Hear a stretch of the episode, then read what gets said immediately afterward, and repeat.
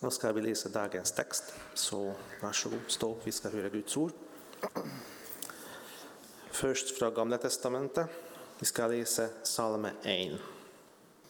Salig er den som ikke følger lovløses råd, ikke går på synderens vei, og ikke sitter i spotteres sete, men har sin glede i Herrens lov og grunner på Hans lov dag og natt. Han er lik et tre plantet ved rennende vann. Det gir frukt i rett tid, og løvet visner ikke. Alt han gjør, skal lykkes. Slik er det ikke med de lovløse. De er lik agner som pres for vinden. Derfor kan ingen skyldige bli stående i dommen, ingen syndere i flokken av rettferdige. For Herren kjenner veien de rettferdige går, men de urettferdiges vei fører vill. Og fra Matteusevangeliet, kapittel 5, fra 1 til 12. Da Jesus så folkemengden, gikk han opp i fjellet. Der satte han, satte han seg, og disiplene samlet seg om ham. Han tok til orde og lærte dem. Særlig er de som er fattige i ånden, for himmelriket er deres. Særlig er de som sørger, for de skal trøstes. Særlig er de ydmyke, for de skal arve jorden. Salige er de som hungrer og tørster etter rettferdigheten, for de skal mettes. Salige er de barmhjertige, for de skal få barmhjertighet. Salige er de rene av hjerte, for de skal se Gud. Salige er de som skaper fred, for de skal kalles Guds barn. Salige er de som blir forfulgt for rettferdighetens skyld, for himmelriket er deres. Ja, salig er dere når de for min skyld håner og forfølger dere, lyver og snakker ondt om på dere på alle vis. Gled og fryd dere, for stor er lønnen dere har i himmelen. Slik forfulgte de også profetene før dere. Herre, takk for ditt ord, og takk for muligheten at vi kan lese det, kan forstå det. Og jeg ber deg om å være siden Einar når han skal forkynne. Amen. Eh, noen av dere har kanskje en sånn en, eh, mobildings hvor du eh, muligens i løpet av, eller på slutten av eh, fjoråret eller starten av dette året kanskje får opp en sånn et eh, bildekavalkade, eller sånn eh, automatisk at det blir generert høydepunkt fra året som har vært. Kanskje noen som får det eh, via den sosiale medier som du måtte bruke. Og på disse bildene så er det gjerne spesielt eh, bilder som dette eksempelet her, som dere tenker dette ga meg virkelig en god følelse. Altså En følelse av å se gode øyeblikk eh, tilbake på fra et år, som en eh, tenker òg gjerne at sånne gode øyeblikk som jeg ser her, og som jeg har hatt gjennom året, det vil jeg gjerne ha mer av det neste året. Og mange legger jo seg et sånt mål at de har lyst å starte med sånne, med sånne nyttårsforsett. Og da er det spesielt gjerne for å få enda flere sånne gode øyeblikk. For det er jo dette her som mange forbinder med det som gir et godt og lykkelig liv. Det med å ha flere sånne gode øyeblikk. Så da gjelder det når det kommer et nytt år, å fokusere på å rydde i kalenderen, som gjør at en kan ha enda mer tid og enda mer muligheter til sånne gode øyeblikk. Vi starter som Nimrod sa, en ny temaserie i dag som kommer til å gå helt til palmesøndag. Som er kalt for Et ekte lykke. Og Temaserien som vi har lest fra i dag, er at vi kommer til å gjennomgå Jesu tale, som kalles for saligprisningene. I evangeliet til Matteus som vi leste fra, så er jo dette større, del av en større tale som blir kalt for bergpreken. Hvor Jesus eh, var på en, eh, en, slette, en skråning, og talte en tale til en stor folkemengde. Og Den plassen der har han jo identifisert eh, så du kan, Hvis du er i Israel, så du, kan du besøke dette stedet, som er rett ved Galileasjøen. Så Kanskje noen av dere har vært der hvor det òg er bygd ei kirke som er kalt for saligprisningskirka. Saligprisningene er noe som Jesus deler med spesielt sine nærmeste disipler. Og Det er da talt til de troende. Og I disse saligprisningene så deler Jesus det som han peker på som et lykkelig liv. Ordet 'salig' er litt sånn vanskelig ord å oversette på norsk fra det greske ordet 'makarios'. Eh, en bruker i de fleste norske oversettelser ordet 'salig'. Et ord som ikke er så veldig vanlig brukt i det hverdagslige språket. Du kan gjerne se dette var en salig blanding med et eller annet, men ellers er det veldig få som bruker ordet 'salig' i hverdagsspråket. Men det ordet handler om, det er at det peker på en stor glede noe som er utrolig flott, noe som er veldig godt. Så jeg tenker at Ordet lykke dekker på en måte en god del av det som det ordet peker på. Samtidig ikke alt, og sånn er det alltid når en skal oversette noe fra det opprinnelige språket til norsk. Norsk er ikke så bredt og dypt som gresk og heller ikke hebraisk. Så vi skal nå ta for oss uke etter uke ett av, et, et av, disse saligprisningene for hver søndag. Så, mens dette blir da en introduksjon til denne serien. Men i forhold til dette med lykke Hvordan er det et lykkeliv ser ut? For dette med lykke er jo noe som er veldig det er noe som for det ene jeg forska veldig mye på. det er noe som er veldig mye fokus på. Når jeg gikk på Misjonshøgskolen, så kunne du ta kveldskurs i lykke på den skolen der. Men jeg hadde ikke tid til å gå på det kveldskurset der, for jeg satt altfor ulykkelig i studiet av gresk og hebraisk. Så sånn var det for meg. Men eh, hvis du bare søker opp med lykke, så kan du lese deg opp og ned i forhold til hva er det som skal gi deg lykke. Og du har en haug med influensere som også vil gjerne komme med tips gjennom sosiale medier i forhold til å råde deg om hva er det som skal gjøre deg til å få et lykkelig liv tenker Gud òg at han vil egentlig gi oss et lykkelig liv, eller bryr han seg ikke om det? Og Hvis Gud ønsker å gi oss lykke, hvordan er det det ser ut? Ser det ut likt sånn som en del influensere og det som blir tatt fram i lykkeforskning? Eller ser det annerledes ut, det som Gud måtte peke på? Det er det vi skal se på i dag.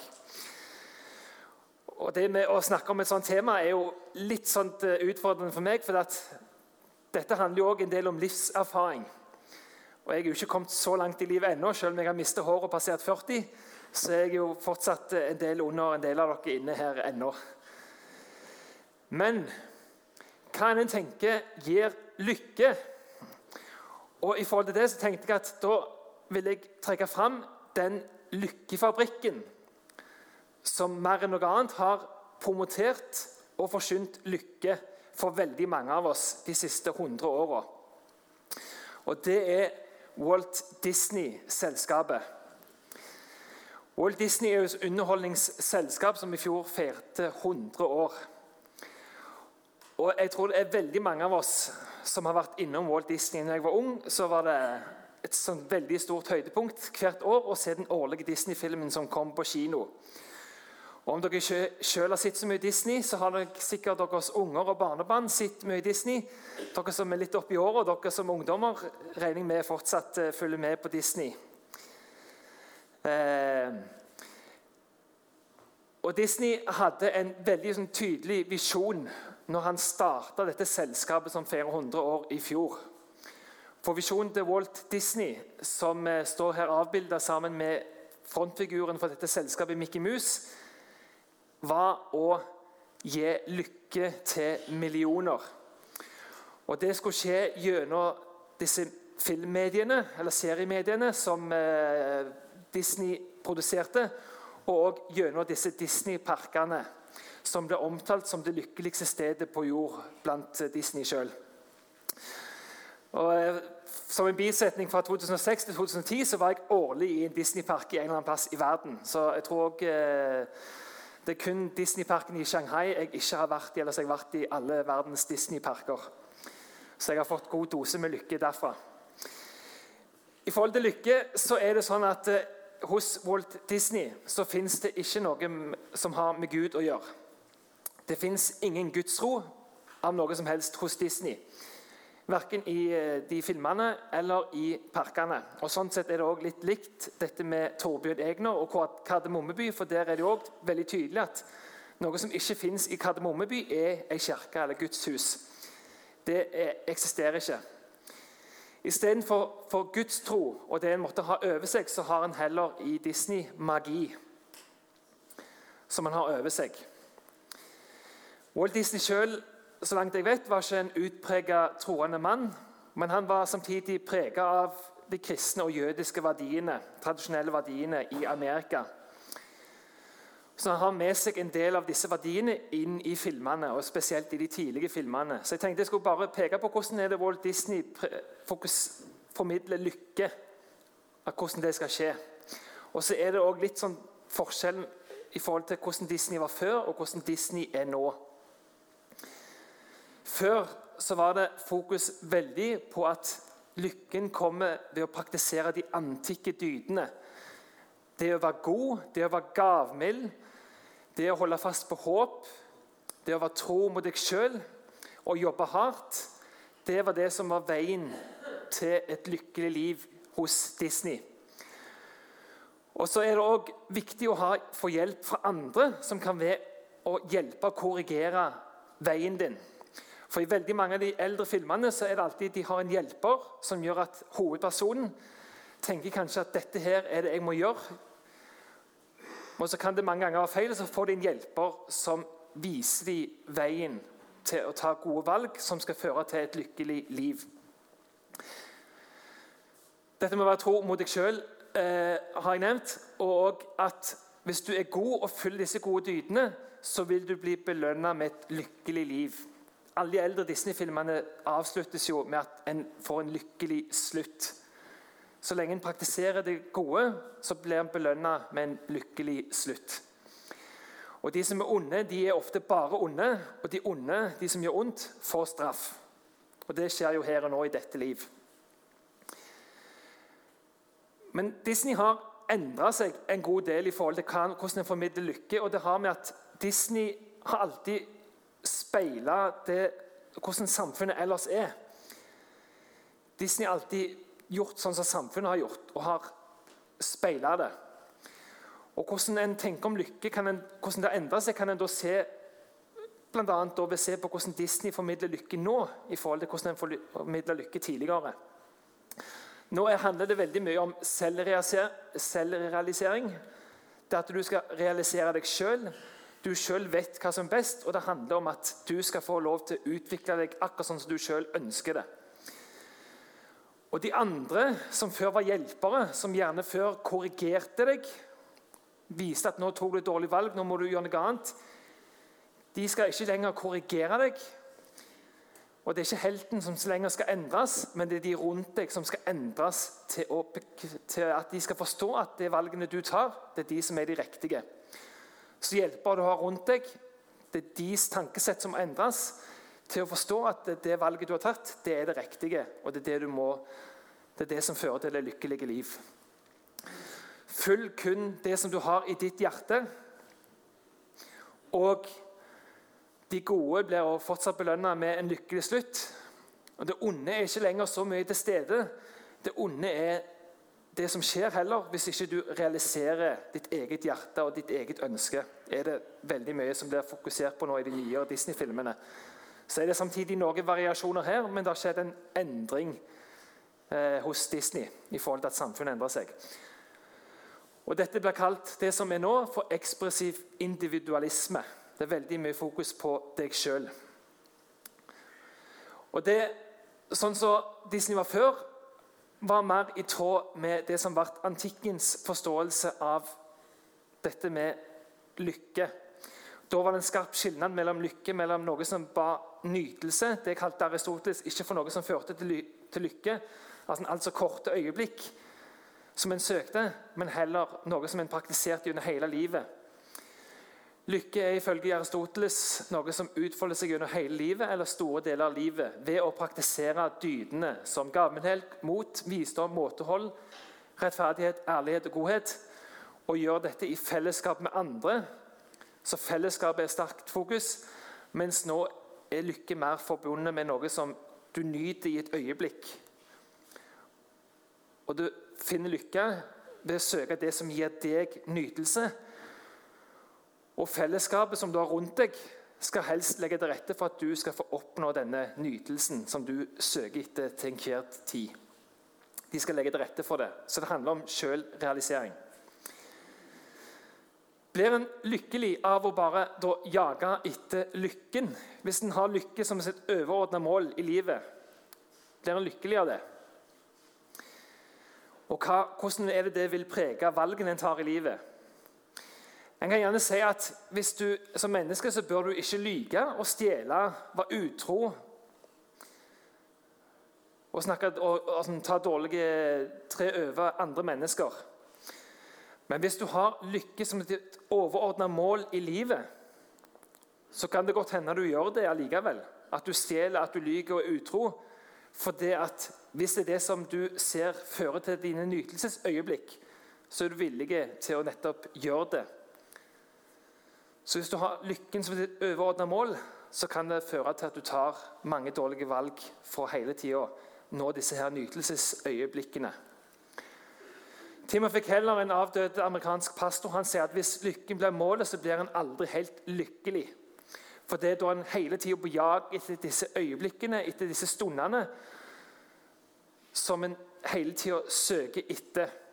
Og Hvis du sånn sett har mange sånne stunder, sånn øyeblikksstunder, en sånn kjempelang eh, bildeskål eh, som du ser gjennom fra i fjor, hvor det er masse sånne øyeblikk, så kan du sånn sett tenke at du, og kjenne deg lykkelig, for du har hele tida sånne øyeblikk hvor du får sånne påfyll.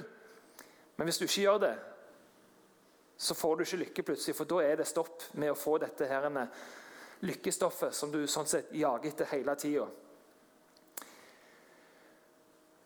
Og så er det òg i forhold til Gud. Hvordan er det vi ser på Gud? Ser vi på Gud som en som skal skaffe oss lykke? At vårt overordna mål ikke er å søke Gud, men å søke lykke, og at Gud blir et middel for dette. her. Blir Gud en ånd i lampen som skal skaffe oss det vi har lyst på og det vi ønsker for at vi skal få et lykkelig liv? Og er det også sånn at Hvis vi går på gudstjeneste, så er det også for å dekke et lykkebehov som vi måtte ha der og da. At Gud òg blir et middel, men ikke et mål i seg sjøl. Vi skal huske på at selv om vi er troende og går i kirka, så er vi mye, like mye påvirka av samfunnet og omverdenen som alle andre. C.S. Lewis, som har skrevet noen fantasihistorier om Narnia, sier at problemet med mennesker er at det alltid leter etter noe annet enn Gud for å finne ekte glede. Det er vårt menneskets grunnproblem altså en grunnsynd, som en gjerne kaller det på gammelt språk, det er at vi alltid som mennesker i utgangspunktet velger vekk Gud og velger heller å fokusere på oss sjøl for å finne det som er det gode, det virkelig gode. Det er vårt menneskets grunnproblem. Og Det gjør at vi leter etter lykke på andre plasser enn det vi gjerne skulle ha gjort. Hvorfor talte Jesus disse saligprisningene som handler om hva, et, hva, som er det gode, hva er, som er, hva er det som virkelig gjør oss lykkelige. Hvorfor talte Jesus saligprisningene? For det livet er ikke som en Disney-film. Mange av dere vet sjøl at livet får ikke alltid en lykkelig slutt ved graven. Det vet jeg sjøl når jeg sto med graven etter mamma døde på tragisk vis etter hjernesvulst. Og jeg vet at mange av dere og andre har stått ved graven hvor det ikke ble en lykkelig slutt. Livet får ikke alltid en lykkelig slutt. Livet er brutalt. Livet er vanskelig. Og selv om du har Jesus med deg i livet, så heller ikke det sånn at det Gud først og fremst har lovt oss, er at omstendighetene i livet vårt skal bli perfekt. Gud har ikke først og fremst lovt oss alltid god helse, rikdom, materiell velstand. Det er ikke det saligprisningen handler om. Men, også, men, jeg tror mange ganger så blander vi kristne dette her. Jeg var en gang på et bønnemøte, og da var det veldig tydelig at en som kom på bønnemøte, hadde med seg en bok fra en amerikansk eh, pastor. Jeg skal ikke si hvem det er. Men da var det at denne personen som var på dette bønnemøtet, sa at hvis du bare ber nå, så skal Gud gi deg det du trenger. Du skal få bil. Hvis du trenger en bil, så skal du kunne be å få en bil. Hvis du trenger penger, så skal Gud gi deg penger. Og hvis du sliter med helse, så skal Gud garantere for at du skal bli frisk. Men det blir en sånn Disney-historie. Og Disney-historier tåler ikke det ekte livet. For det ekte livet er ikke som en Disney-film. Jesus han derimot viser oss hva ekte lykke er for noe. Og I forhold til jul så er jo Jesu ankomst til jorda som et menneske født i en stall prega med lykke. Hvor englene forkynte til gjeterne som var ute denne kvelden hvor Jesus ble født, at se, jeg forkynner dere en stor glede, en glede for hele folket. Så det at Jesus kom til jorda, er prega av lykke, av stor glede. Hvordan er det dette ser ut? Og Er det sånn at denne julegleden stopper ved jula, eller fortsetter den? Dette med jul, selv om utgangspunktet er den store gleden, så kan det òg bli en ganske slitsom høgtid for mange. For igjen, Da handler det for veldig mange om å maksimere og utnytte disse øyeblikkene som kommer i jula, med julemiddager, med gaver og med alle disse tingene som skal ordnes og arrangeres. Og Det kan bli veldig slitsomt med at en hele tida skal forsøke å maksimere lykke ut fra disse øyeblikkene. Og Det er derfor mange sliter seg sånn ut i jula, fordi at de skal maksimere sånn. Og så er det mange som blir deprimerte fordi at jula ikke blir den lykkefølelsen som en hadde håpt og trodd på. Men julens sanne budskap er ikke en lykkefølelse. Det er noe utrolig mye større og mye mer enn det. En kan jo se på Jesus sjøl. Var Jesus lykkelig? Var han gjennom sitt liv lykkelig? En bibeltekst som eh, blir beskrevet om Jesu liv på slutten av hans liv, der står det fra Jesajas bok 53 at han var foraktet, forlatt av mennesker, en mann av smerte, kjent med sykdom, en de skjuler ansiktet for. Han var foraktet. Vi regnet ham ikke for noe. Er dette beskrivelsen av et lykkelig menneske? Eller kan det faktisk være det? Jeg skal fortelle deg en historie fra tidsperioden FEB. Det er før eh, epiduralbedøvelsens tid. Jesus i eh, Johannes evangeliet kapittel 16 forteller en historie der om en kvinne som skal føde. Og om den smerten hun har før denne bedøvelsen som hun nå får, eksisterer. Smerten av å føde på denne tida er noe helt annet enn i dag, og forholdene er også helt annerledes. Men Jesus trekker fram at etter, når barnet er født, så er gleden over dette barnet så mye større enn den smerten som en har kjent, og som en nok garantert kjenner etter at barnet er kommet ut. Men en har fått glede over noe enda større. Gleden over barnet som er kommet ut. Smerten er der ennå, men gleden er enda større. Og Jesus vil med det trekke fram et poeng. At vi kan ha enda større glede enn den smerten vi måtte oppleve, eller det som er utfordrende. Sånn som når dette barnet ble født. Og Sånn var det med Jesu lykke. At Jesu lykke var mye større enn smerten han måtte gjennomgå når han bl.a. ble korsfesta og drept av de romerske myndighetene. Og Hvorfor var hans lykke så stor? Fordi at gjennom Jesus sitt offer så fikk han mulighet til å dra oss til han. Før Jesus så var vi som mennesker atskilt fra Gud. Vi hadde ikke noe ekte kontakt med Gud. Men Jesus gjorde det mulig for å få ekte og fullstendig fellesskap med Gud. Og den gleden der var større enn det som Jesus måtte gjennomgå av smerte. Og òg det at Jesus gjennom hele sitt liv levde alltid i tråd med sin himmelske fars vilje og var i en plan med det som var det gode. Så Jesus' smerte var der, men gleden hans var enda større. Hva da med oss som kristne, da? Kan vi ha et lykkelig liv? Eller må vi velge noe annet? fjellturer kontra andre ting. Fra Salme 1 som Nimrod leste, så står det at salig er den som ikke følger lovløses råd, ikke går på synderes vei og ikke sitter i spotteres sete, men har sin glede i Herrens lov og grunner på Hans lov dag og natt. Han er lik et tre plantet ved rennende vann. Det gir frukt i rett tid, og løvet visner ikke. Hva er det dette her handler om for noe? Et tre, rennende vann? Hva er dette for noe? Noen mennesker kan på overflaten se utrolig lykkelige ut. Det ser så utrolig bra ut.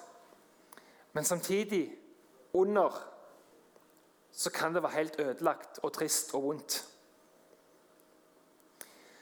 Andre mennesker kan på overflaten mange ganger se at du, du kan se at de har det vondt.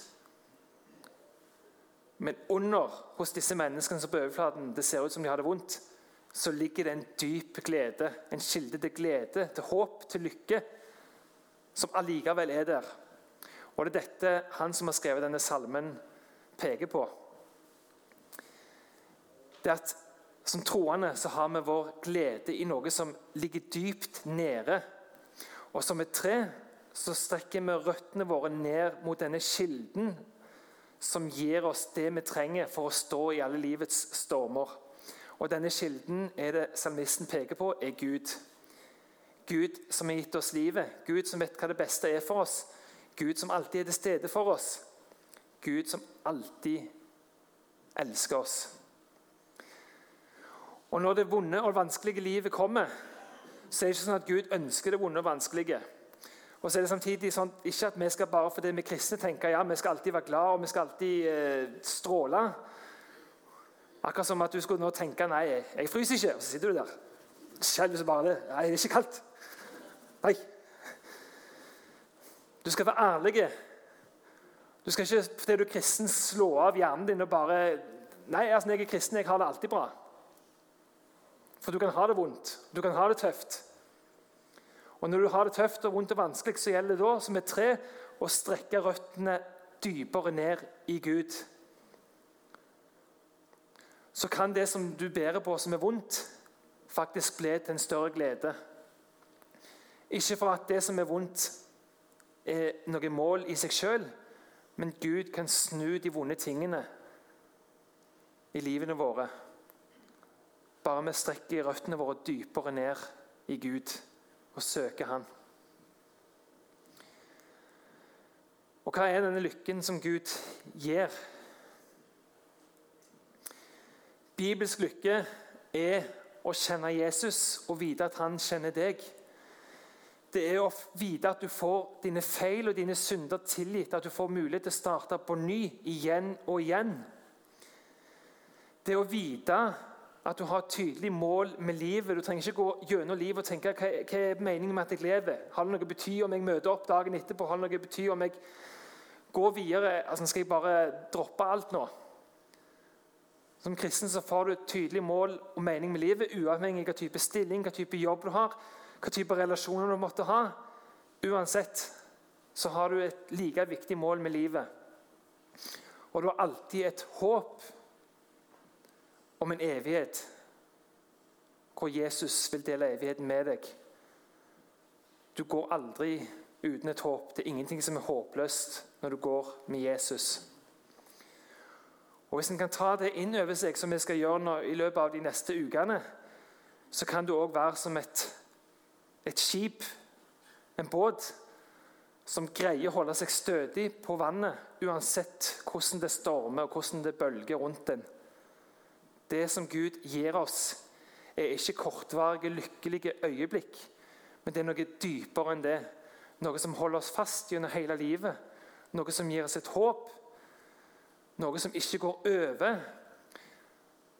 Noe som ikke er avhengig av hva du får til i livet eller ikke. Men noe som er likt for alle, uavhengig om livet blir sett på som vellykka eller ikke. Og Det gir Gud oss av bare nåde og Det er det vi får mulighet til å ta imot hver eneste dag. Men for å vite det, for å være rotfesta i det, så er det så utrolig viktig at vi søker Gud hver eneste dag for å bli minnet om det. For å virkelig vite hva er det vi eier, hva er det vi har fått, hva er det betyr å være et Guds barn. Og da har vi noe helt annet i forhold til det å møte hverdagen og livet med. Og Det håper jeg at dere vil fortsette å søke i dette året her. Det som er holdbart og evig, sånn som Gud sjøl er evig. La oss be sammen. Gode Gud, takk for at du vil oss alltid det beste. Takk, Gud, selv om at vi ikke alltid får det sånn som vi skulle gjerne ønske det, og at livet ikke alltid er så veldig lett. Takk for at du står med oss, og takk for at du vil gi oss noe som er enda større enn det vi kan få i dette livet på egen hånd. Takk for at selv om ting blir knust og ødelagt etter livet, så kan du skape noe nytt. Takk for at når verden sier at det er håpløst, så sier du, Jesus, at det alltid er håp. Takk for at din kjærlighet var sterkere enn døden, og at uansett hvor mørkt ting måtte se ut, så er det alltid et lys der. Takk for at du, Jesus, er dette lyset. Hjelp oss til å fokusere på deg i dette året her, og hjelp oss å søke deg, Jesus, for at våre røtter kan nå dypere ned til vår Gud. Amen.